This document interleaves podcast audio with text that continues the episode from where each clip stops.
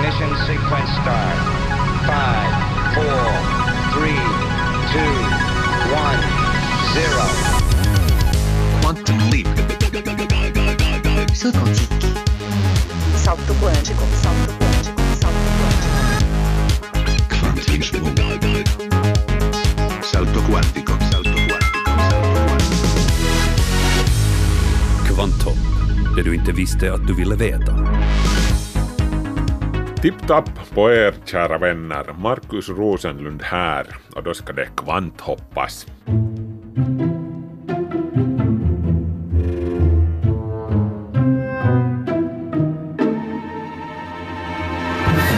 Inkommande vecka, om ni lyssnar på det här på söndag, det vill säga är det ju dags igen för att sitta ner, andas ut, njuta av mat och dryck och, och sällskap. Och, och begrunda det där stora tidlösa mysteriet. Nämligen, hur kan det komma sig att julgubben hinner besöka alla dessa barn världen över på en och samma kväll? Det räcker ju inte med att barnen är fördelade över flera olika tidszoner och att vissa får sina klappar på julafton och andra på juldagsmorgon. Vi snackar ändå om en fullkomligt övermänsklig prestation att dela ut alla dessa klappar på en så kort tid. Utgår vi från att julgubben bara besöker barnfamiljer och bara sådana barn som överhuvudtaget firar jul så blir det ändå minst 375 miljoner barn fördelade på 110 miljoner hem, allra minst. Det finns gott om beräkningar kring det här, hur det går till.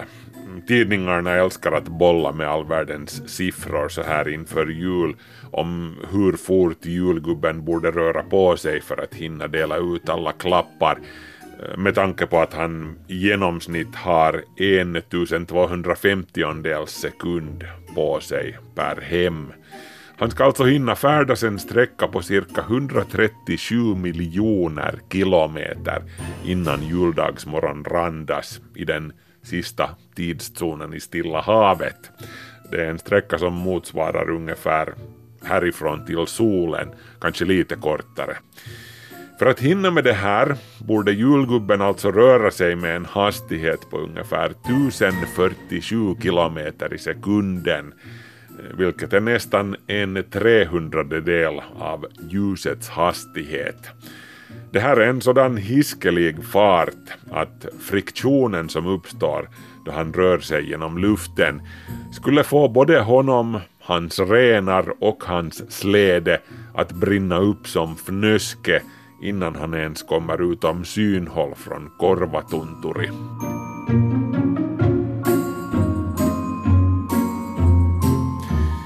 Men vi som har ens ett litet hum om grundläggande kvantmekanik vet ju att det högst sannolikt inte alls är så här som det går till. Det finns absolut inget behov för julgubben att ränna omkring runt jorden som en ballistisk skottspole när man kan dra nytta av det kvantmekaniska fenomenet som kallas superposition. Eh, nu är det ju ett faktum att det händer riktigt besynnerliga saker om vi går ner på atomnivå. En enskild elementarpartikel kan inneha flera olika kvanttillstånd samtidigt. Och vad som är ännu viktigare med tanke på mysteriet julgubben, den kan befinna sig på flera olika ställen samtidigt. Det finns ett berömt experiment kallat dubbelspaltsexperimentet där man skjuter iväg en ensam foton, alltså en ljuspartikel, mot ett bräde med två springor i. Och hur det nu råkar sig så tycks alltså den här ensamma fotonen passera genom båda springorna på en och samma gång. Ett annat berömt exempel som man brukar använda för att illustrera det här är fallet med Schrödingers katt i sin låda. Katten är både död och levande samtidigt, ända tills någon öppnar locket för att se vilket dera tillstånd det är som gäller för katten. Och så här pågår det alltså inom kvantvärlden helt på riktigt. Elementarpartiklar kan ha vitt skilda tillstånd, så kallade eh, spinn, på en och samma gång tills man observerar dem och så att säga tvingar dem att välja. Det här med att inneha flera olika tillstånd samtidigt kallas alltså superposition. Men enligt det konventionella tänkandet gäller de här kvantmekanikens knasiga regler bara på riktigt liten skala, på atomnivå. Men forskare har på senare tid med jämna mellanrum lyckats försätta allt större bitar av materia i superposition. Så vad är det som säger att julgubben inte besitter någon sorts otroligt avancerad kvantteknologi som gör det möjligt för inte bara honom utan hela hans släde med renar och allt att inta superposition. Vilket i sin tur gör det möjligt för julgubben att uppträda på så många ställen han vill på en och samma tidpunkt utan att överhuvudtaget behöva förflytta sig mellan de här punkterna. Som en stor fet elektron i vitt skägg och röd kappa, liksom.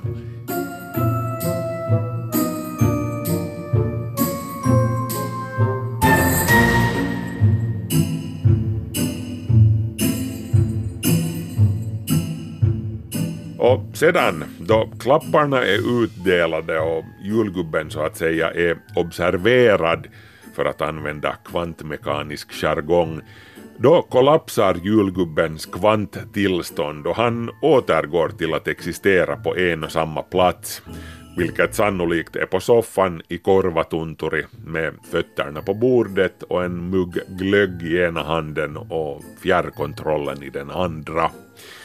Må så vara att julgubben får det att se lätt ut, men hej, vad som helst ser lätt ut om man kan det.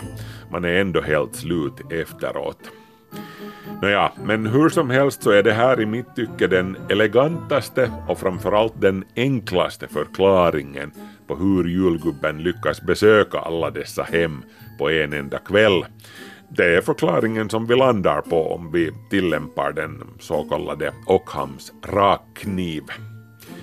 Man kunde ju sen förstås spekulera i huruvida julgubben på något vis har lärt sig manipulera själva tiden i praktiken så att den mer eller mindre stannar för oss medan den flyter på normalt för tomtefar själv. På så vis kunde han ju få det att se ut som att han besöker alla de här barnen helt otroligt kvickt på en enda kväll medan flera månader eller rent av år förflyter sett ur hans perspektiv.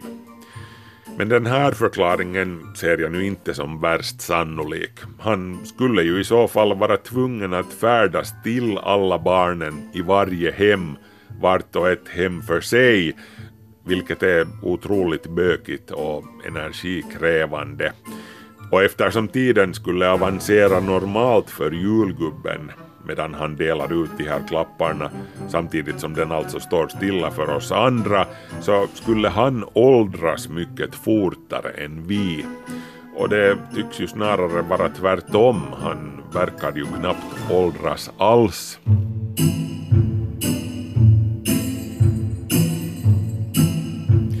Så därför ser jag den här hypotesen om att julgubben utnyttjar det kvantmekaniska fenomenet kallat superposition som den mest trovärdiga förklaringen till hur han hinner besöka alla dessa hem på en och samma kväll. Det här skulle också förklara hur det kan komma sig att julgubben bevisligen kan sitta hemma hos Lindströms i Lovisa samtidigt som han knaprar på en pepparkaka hemma hos Petterssons i Pipis och uppträder i direktsändning på TV1 dessutom. Ni kan ju ta och testa det här. Då julgubben besöker er nu på julafton, säg någonting i stil med att Schrödinger skickar hälsningar. Jag skulle inte vara förvånad om han skulle haja till en aning då.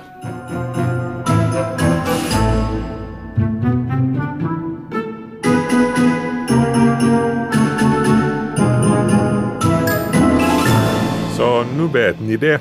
om barnen skulle råka fråga er.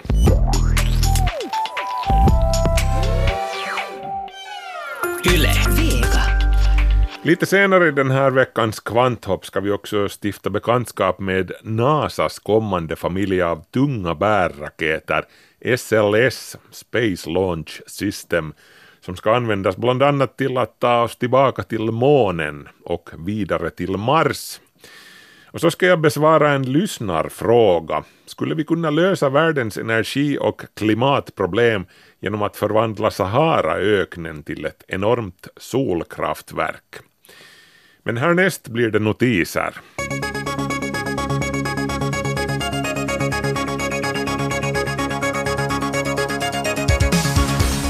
Den magnetiska Nordpolen är på vift.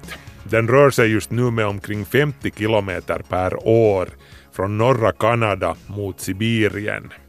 Rörelsen har accelererat kraftigt under de senaste 20 åren. På längre sikt kan den vandrande magnetiska Nordpolen betyda trubbel bland annat för flygbranschen och olika satellitsystem. I förlängningen blir det också problem för smarttelefonernas satellitnavigering. Också flyget och sjöfarten kan drabbas av svårigheter. Som en bieffekt av att den magnetiska Nordpolen rör på sig kommer norrskenen att bli mer sällsynta i norra Kanada. Samtidigt på södra halvklotet är storyn en helt annan. Den magnetiska sydpolen har knappt rört på sig alls under de senaste hundra åren. Här i Finland vill fyrverkeribranschen bli av med plast i raketerna fram till år 2025. Det är Samfundet för pyro och fyrverkerikonstens befrämjande, RF, som har fattat beslut i saken. Dels ska man eliminera onödiga plastkomponenter från fyrverkeriraketerna, till exempel stubinskydd som ofta är helt onödiga och fyller mest en estetisk funktion då raketerna redan är packade i en skyddslåda. Redan det eliminerar hundratusentals plastdelar som årligen hamnar i soporna. Sedan har ett österbottniskt företag vid namn Sulapak, finansierat av Tekes, utvecklat ett träbaserat biofibermaterial som kan ersätta plasten som råvara bland annat i raketens toppkon. Under den gångna hösten har en finländsk importör låtit testa råvarans användning vid serieproduktion av raketer i en fabrik i Kina. De första plastfria raketerna ska säljas redan nu vid årsskiftet, eh, visserligen i liten skala till en början. Många kanske blir förvånade då de hör att det överhuvudtaget finns trådtelefoner i Finland ännu. Men jo, det finns det. Snäppet under 100 000 abonnemang snackar vi om i dagens läge enligt statistik från Trafikom. Trådtelefonens guldålder var 1997. Då fanns det 2,7 miljoner trådtelefoner i vårt land. Under första halvan av 2019 ringdes det drygt 60 miljoner samtal med trådtelefoner i Finland. Av de här stod privata hushåll för ungefär en tiondel. Teleoperatörerna har under en längre tid aktivt styrt sina kunder mot mobila lösningar, vilket syns. Det finns just nu mer än 9 miljoner mobilabonnemang i Finland. Under årets första hälft ringdes det cirka 1,6 miljarder mobilsamtal i vårt land. Den här utvecklingen är hur som helst inte lika markant överallt.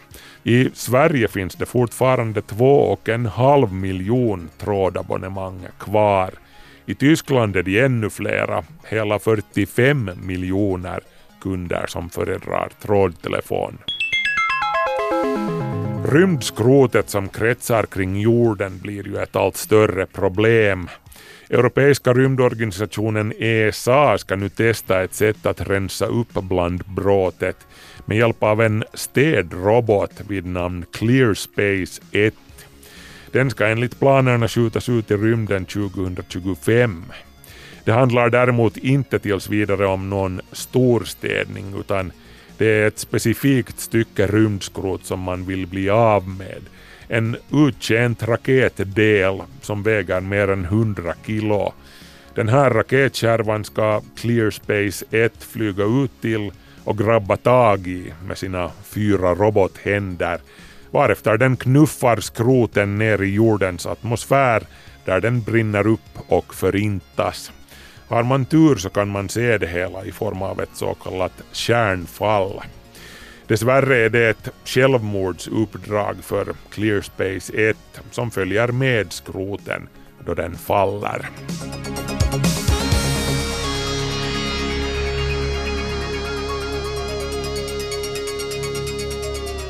Om kanske så lite som fem år räknar NASA med att amerikanska astronauter igen ska trampa på månen. Och för att ta sig dit behöver de en ny raket, starkare än någon annan raket som har flugit hittills. Den raketen heter SLS, Space Launch System. Vi är över ordet till Kennedy Space Center i Florida i USA. Där befinner sig Albert Ernroth. Just as the United States was the first nation to reach the moon in the 20th century, so too will we be the first nation to return astronauts to the moon in the 21st century. And I'm here. USAs vicepresident Mike Pence besökte i mars Marshall Space Flight Center i Huntsville i delstaten Alabama. Han deklarerade att amerikanska astronauter er inom fem år på nytt ska landa på månen. Pence löfte påminner säkert avsiktligt om John F Kennedys tal inför kongressen 1961 då presidenten meddelade att han ville påskynda det amerikanska rymdprogrammet och landa en amerikansk astronaut på månen innan årtiondets slut. We propose to accelerate the development of the appropriate lunar spacecraft. We propose to develop alternate liquid and solid fuel boosters, much larger than any now being developed. President Kennedy. Den amerikanska rymdfartsstyrelsen hade i maj 1961 inga konkreta planer på att flyga till månen, än mindre att landa på himlakroppen. NASA hade bara några veckor innan Kennedys tal lyckats skjuta upp den första amerikanen i rymden. Astronauten Alan Shepards rymdresa var bara en så kallad kastbanefärd och varade endast i 15 minuter medan Yuri Gagarins farkost hade färdats i omloppsbana runt jorden. President Kennedys plan var alltså vansinnigt ambitiös. Nu är det långsiktiga målet en bemannad färd till Mars. Är det ett realistiskt mål inom nästa decennium? Och vad är egentligen poängen med att först resa till månen? You could say the moon that we've been there, but being there on the moon and staying on the moon, living on the moon for an extended period of time, that's a whole next level that goes beyond. You can land. Man spend a kan argumentera att get människan redan har stått, gått och kört omkring på månen. Been there, done that.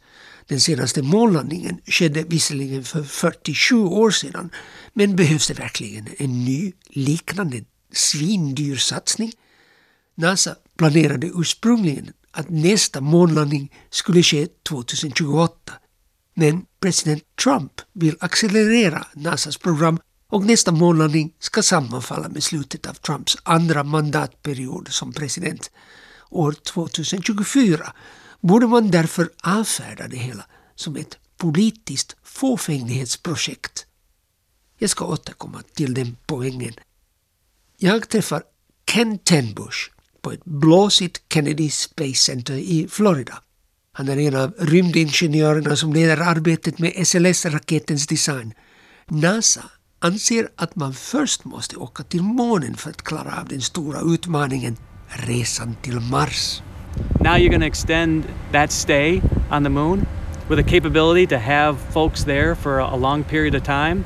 How else are you going to be able to learn what you need to when you start then taking the next leap, which is the Mars leap, and trying to live there for an extended period of time?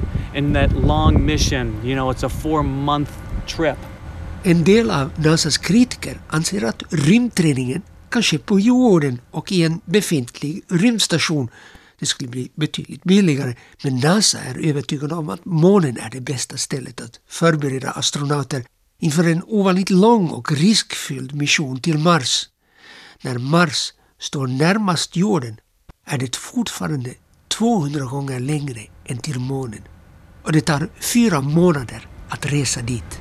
You got a lot of time that you're talking about as far as being in space and then being basically on that Mars surface before you could actually come back home where both Mars and Earth are, are in the right orientation to make that happen. So yes, those those stepping stones have to happen. Right. We're not just doing something that we did before. NASA tänker etablera en basecamp på månen, en permanent bas där det är mer bekvämt att träna än till exempel i en relativt trång rymdstation. En längre rymdvistelse har en obarmhärtig påverkan på människans kropp.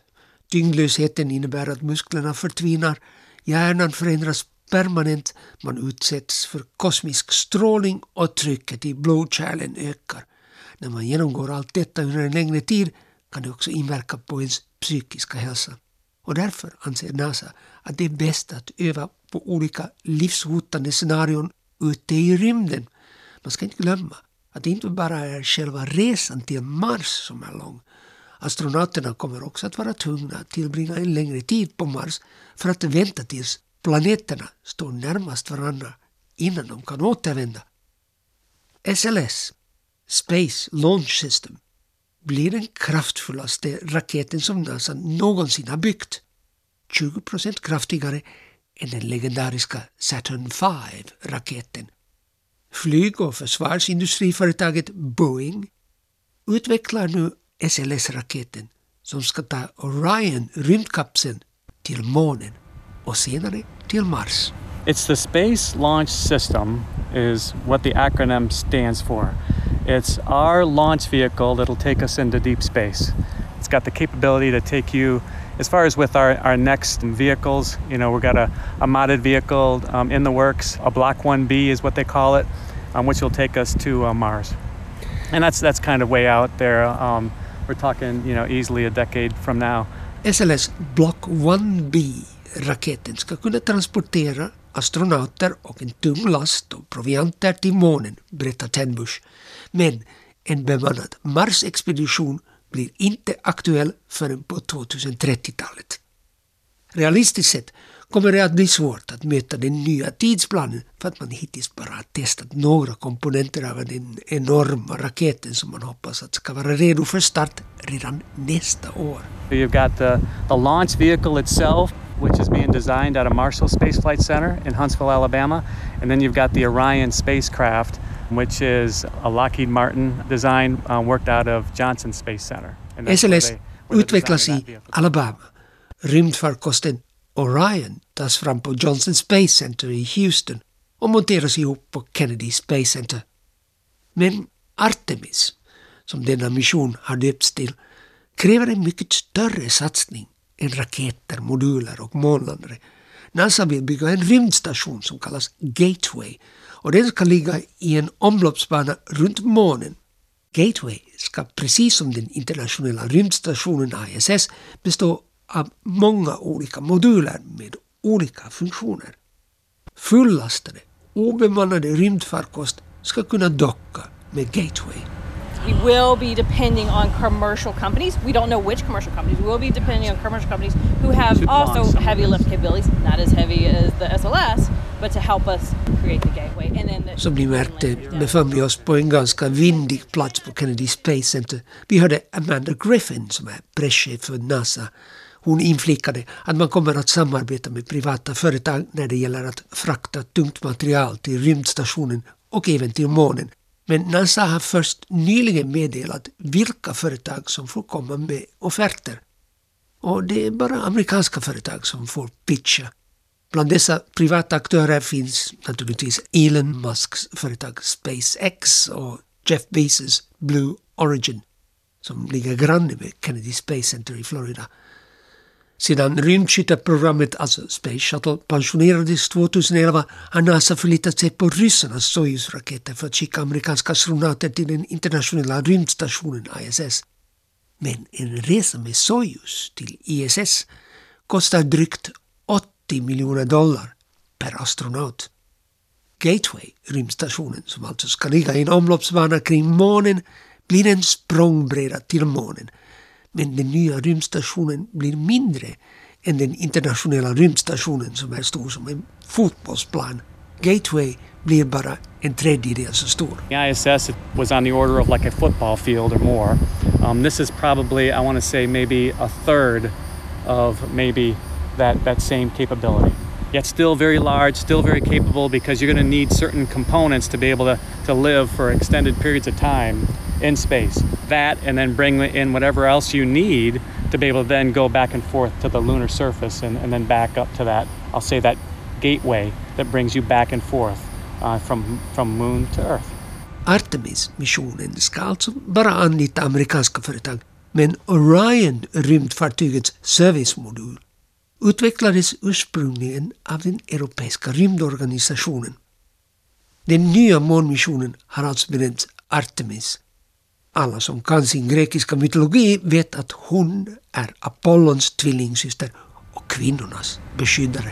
Women are very key uh, in the NASA, just like the men are, and, and it's going to take a team effort to get us uh, to the moon. And, and this time we want to actually land women on the moon. And to have the first woman on the moon Ett av den bemannade Artemis rymdmissionens viktigaste mål är att äntligen låta en kvinna landstiga på månen. Och det finns en god chans det blir en svenskfödd kvinna, tippar jag. Jessica Meyer, som har en svensk mamma, befinner sig för närvarande på den internationella rymdstationen och återvänder först under våren tillbaka till jorden. Hon kommer alltså att ha rutinen inne. Okej, det här låter allt väldigt positivt, men NASA har också fått kritik för att de i motsats till SpaceX har valt att inte bygga en återanvändbar hjälpraket. Vad säger Ken Tembush om detta? We had boosters that were recoverable, and we used to be able to reuse them, which we did throughout the shuttle uh, heritage time frame. And we had a lot of great experience and a lot of great knowledge that came from using those expendable launch vehicles.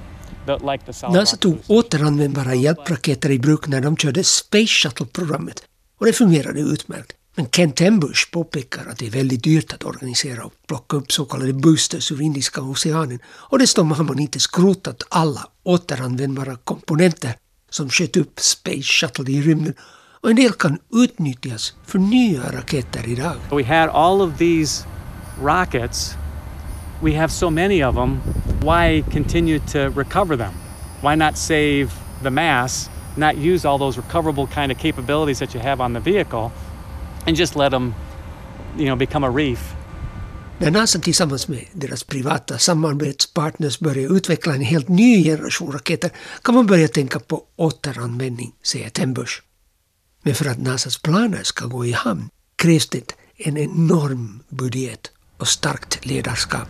it takes strong leadership to be able to make this happen. And there's a commitment right now from this administration to make it happen. Ken Tembush säger att Trump-administrationen är engagerad i projektet men han påpekar i en avsides replik att frågor om planeringsbudgeten också måste godkännas av USAs kongress. Representanthuset domineras av Demokraterna men senaten, som domineras av Republikanerna, godkände i sin senaste budgetproposition att NASAs budget tillförs 1,2 miljarder dollar, alltså drygt 1 miljard euro, en höjning av NASAs anslag med 5 procent. Totalt blir det 22,5 miljarder dollar, vilket innebär att USA idag lägger ungefär en halv procent av sin federala budget på rymdfart. Om man jämför det med andelen av statsbudgeten som gick till Apollo-programmet på 60-talet, ja då är en halv procent praktiskt taget en struntsumma. Mellan 1966 och 1969 gick årligen genomsnittligt mellan 3 och 4 procent av statens budget till NASAs rymdprogram. Men som sagt, president Trump, om han nu blir omvald, vill säkra sin plats i USAs gloriösa rymdhistoria, även om det knappast kommer att vinna honom rösten. Men jag kan tänka mig att Trump och USAs försvarsdepartement också oroar sig för Kinas framsteg i rymden. Tidigare i år landade en kinesisk rymdsond på månens baksida. Det är ju den första lyckade landningen på månens baksida. Kent Hembush, på er väg mot en ny rymdkapplöpning och oroar det NASA i så fall? Is there a space race? I really don't know for sure, but you know when you've got others that are trying to do what you're trying to do, it's going to excite you. You know, it's going to make you push a little harder. Let's face it, we're we're competitive by nature. It's human nature. And so, yes, when we see what the Chinese doing, we're maybe excited about maybe what the Chinese are doing, but we want to get there as well. And we want to do more when we get there. Det är klart att då vi ser att andra också jobbar hårt på sina rymdprojekt, då sporrar det också oss att jobba hårdare. Kineserna har spännande saker på gång, men vi vill vara ännu bättre, sade alltså Ken Tenbush vid Kennedy Space Center i Florida. Albert Ernroth intervjuade. Det här är en Svenska Yle-podd. Kvanthopp, det du inte visste att du ville veta. Jag fick ett mejl till markus.rosenlund.yle.fi. Det är Tommy från Korsnäs som har en fråga om Saharaöknen och solenergi. Skulle vara tacksam för eventuellt svar så det slipper gnaga på hjärnan. Med vänlig hälsning Tommy. Och så här frågar Tommy alltså. Jag har i årtionden undrat över varför inte till exempel sydliga öknars solenergi används till att omvandla havsvatten till vete och syre. Om man så långt norrut som i Göteborg kan vara självförsörjande så borde inte ens hela Sahara behövas för att täcka allt nuvarande energibehov. Undrar alltså Tommy. Det här stämmer ju i och för sig det här, i, i teorin åtminstone, för att tillfredsställa hela världens nuvarande energibehov skulle man inte behöva täcka en värst stor del av Saharaöknen ens. Varje kvadratmeter av Saharaöknen tar årligen emot mellan 2000 och 3000 kilowattimmar av solenergi. Varje kvadratmeter, alltså enligt NASAs beräkningar.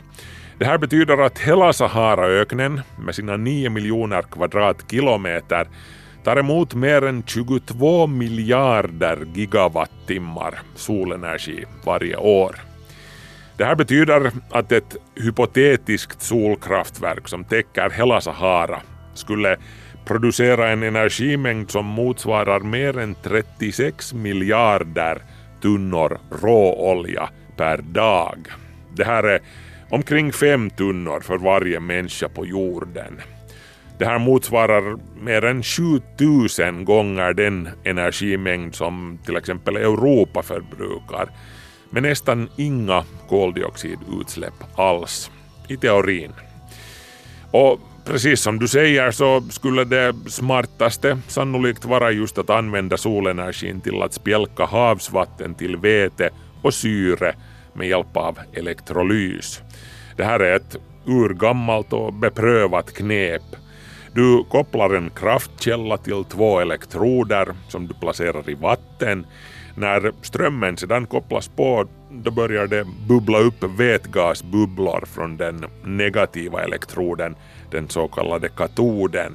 Och syre i sin tur bubblar upp från den positiva elektroden, eller anoden. Sen kan du bara helt enkelt ta vara på vetet som sen i princip går att använda lite på samma sätt som man använder naturgas.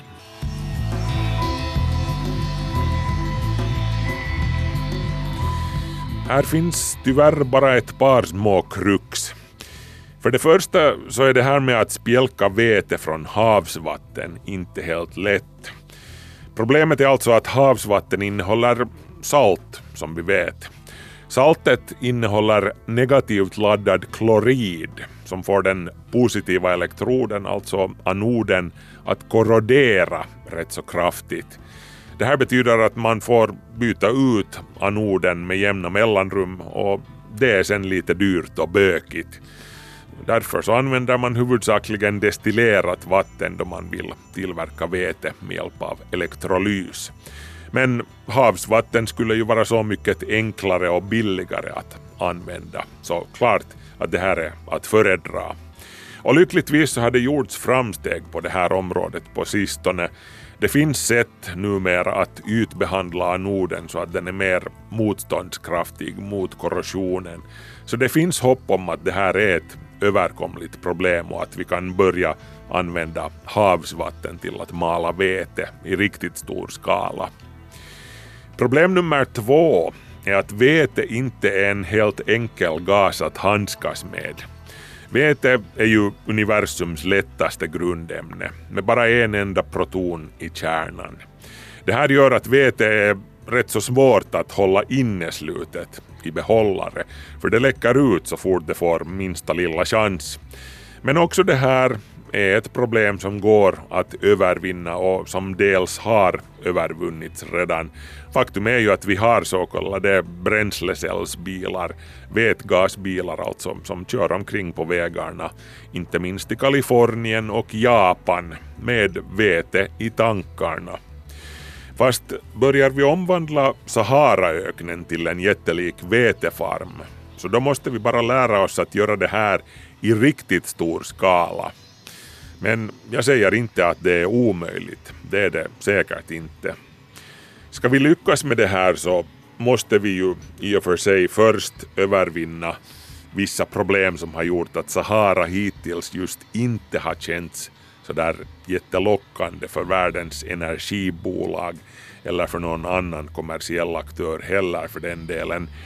Saharaområdet har ju nämligen länge plågats av diverse politiska oroligheter, krig och andra sorters bråk.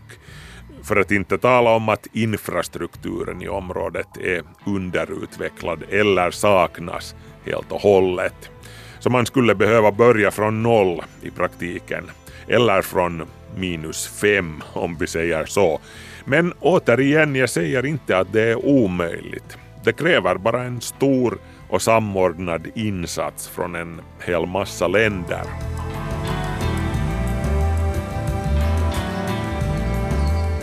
Och Tommy fortsätter sitt mail så här. Om man bortser från installationen så borde det bli koldioxid negativt då man fångar upp värme och eventuellt kan få öknarna att börja grönska som bieffekt på grund av kondensation och skuggning. Stämmer det också. Ett sånt här projekt skulle helt säkert ha en mängd positiva synergieffekter för hela världen och inte minst för klimatet. Och Tommy fortsätter. Åter till vätgasen. Man behöver inte vänta på ny teknik utan man kan väl redan idag konvertera Ottomotorer att gå på vete och med rent syr dessutom så blir verkningsgraden rejäl. Eh, ja, no, här skulle jag säga att du har nog rätt i princip. Det är inte ens värst svårt att konvertera en vanlig förbränningsmotor att gå på vätgas. Det har gjorts många gånger, till och med av vanliga hemmamekaniker i sina garage. Och fördelen med en sån här motor är ju att det, det kommer helt vanlig och ren vattenånga ur avgasröret och ingenting annat. De stora biltillverkarna de har också experimenterat med det här. Jag minns att BMW åtminstone hade ett forskningsprogram för det här på 80-talet har jag för mig. Men det har alltid hittills fallit på att vätgasen är ett så krävande bränsle. Vete har en kokpunkt på minus 252 grader Celsius vid normalt tryck vid havsnivå. Du måste helst komprimera gasen och hålla den nedkyld så att du får den i flytande form. Men också då har vetet haft tendensen att läcka ut med ungefär 1% per dag. Så vätgastanken är ett problem. Det är inte som med bensin som hålls inneslutet i vilken jerrykanna som helst utan problem. Men problemet till för att övervinnas och också det här problemet går att övervinna, inte minst med dagens fantastiska nya nanomaterial och andra grejer som man kan utbehandla de här tankarna med.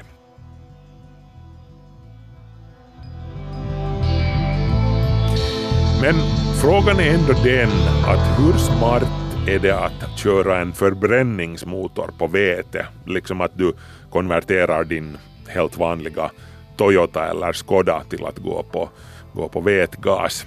Vete har visserligen en mycket högre energitäthet än bensin till exempel, så verkningsgraden blir onekligen bättre, 40 procent bättre eller däromkring. Men en förbränningsmotor är en otroligt komplicerad maskin med massvis med rörliga delar. Den behöver kylas och den behöver smörjas. Då är det ju smartare att istället köra en elmotor på vete med hjälp av en så kallad bränslecell. En elmotor är mycket enklare, den är lättare, den är mindre, den är billigare och den är bättre på alla sätt. Den kräver ingen växellåda heller och, och den har typ två rörliga delar. Och som sagt, den här sortens bilar finns det ju redan i trafik på många håll i världen, i Kalifornien, i Japan och, och i Tyskland. Och nätverket av tankningsstationer för vete växer hela tiden. Och skulle vi ta Saharaöknen i bruk, som du säger, som leverantör av solkraftsproducerad vätgas, så då skulle ju en väldigt stor del av vårt nuvarande problem med energi och klimat vara ur världen.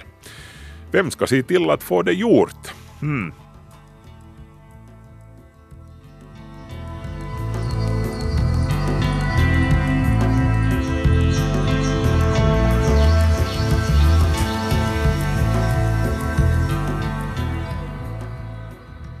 Och nu ska det handla om 5G, det vill säga den femte generationens mobiltelefonnätverk. Våra 5G-nätverk här i Finland har blivit dubbelt så snabba den här månaden. Ryssland har nämligen gått med på att låta finländska operatörer använda sig av vissa viktiga frekvenser. Men det handlar bara om en preliminär överenskommelse. 5G-nätverken i vårt land har hittills varit bara ungefär hälften så snabba som de kunde vara. Det beror på att en del av de nödvändiga frekvenserna har varit reserverade för satellitmottagning i Ryssland enligt internationella avtal. Situationen har drabbat finländska 5G-användare hos Elisa och Telia. Det är de enda operatörer som hittills har erbjudit kommersiella 5G-abonnemang i Finland.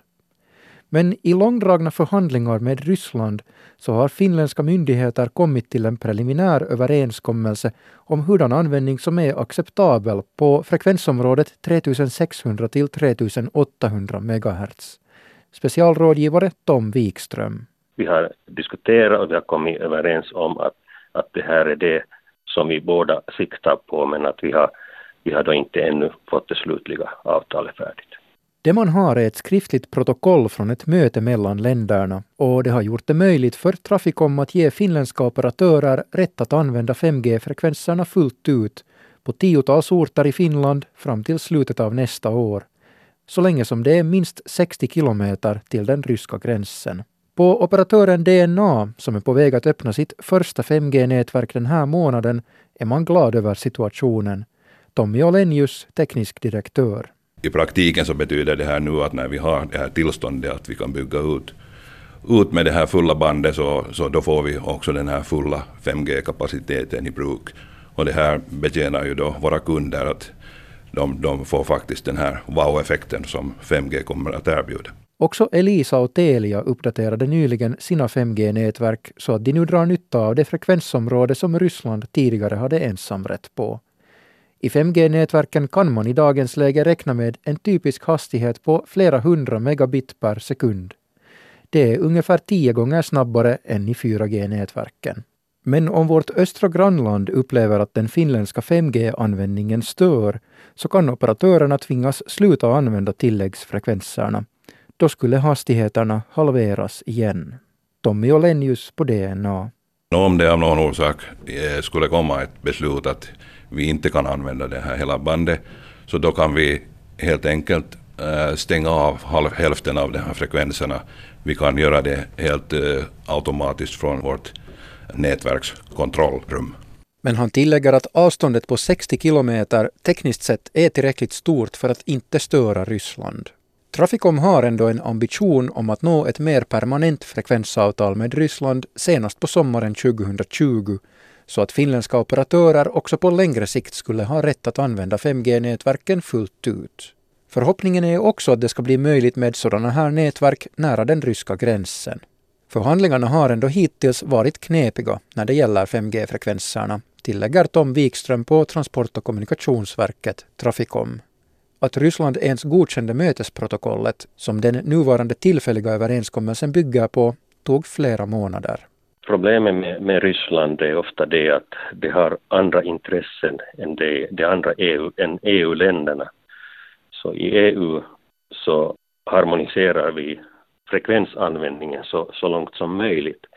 Men nu när vi är en sån här, ett gränsland som gränsar mellan EU och ett annat land så, så är det ofta att de intressen Ryssland har är helt annorlunda än vad vi har och då är det problem att komma överens om, om användningen. Samtidigt håller operatörerna på att bygga ut sina 5G-nätverk i rask takt. DNA siktar på att bygga mer än tusen nya basstationer per år. Existerande basstationer kan användas men dessutom behövs det alltså nya eftersom 5G har sämre räckvidd än 4G. Tommy Olenius igen. Och det här kommer att då ta några år innan vi har täckt hela landet. Men eh, om vi jämför med de tidigare teknologierna 3G och 4G så kommer 5G-rollouten att gå betydligt snabbare. För tillfället finns det bara 5G-nätverk på begränsade områden på ett fåtal orter i vårt land. Till exempel i Helsingfors, Åbo, Vasa och Tammerfors. Till att börja med är det främst städers centrum och vissa småhusområden som förses med 5G. Reporter i det inslaget var Niklas Fagerström. Yle Vega.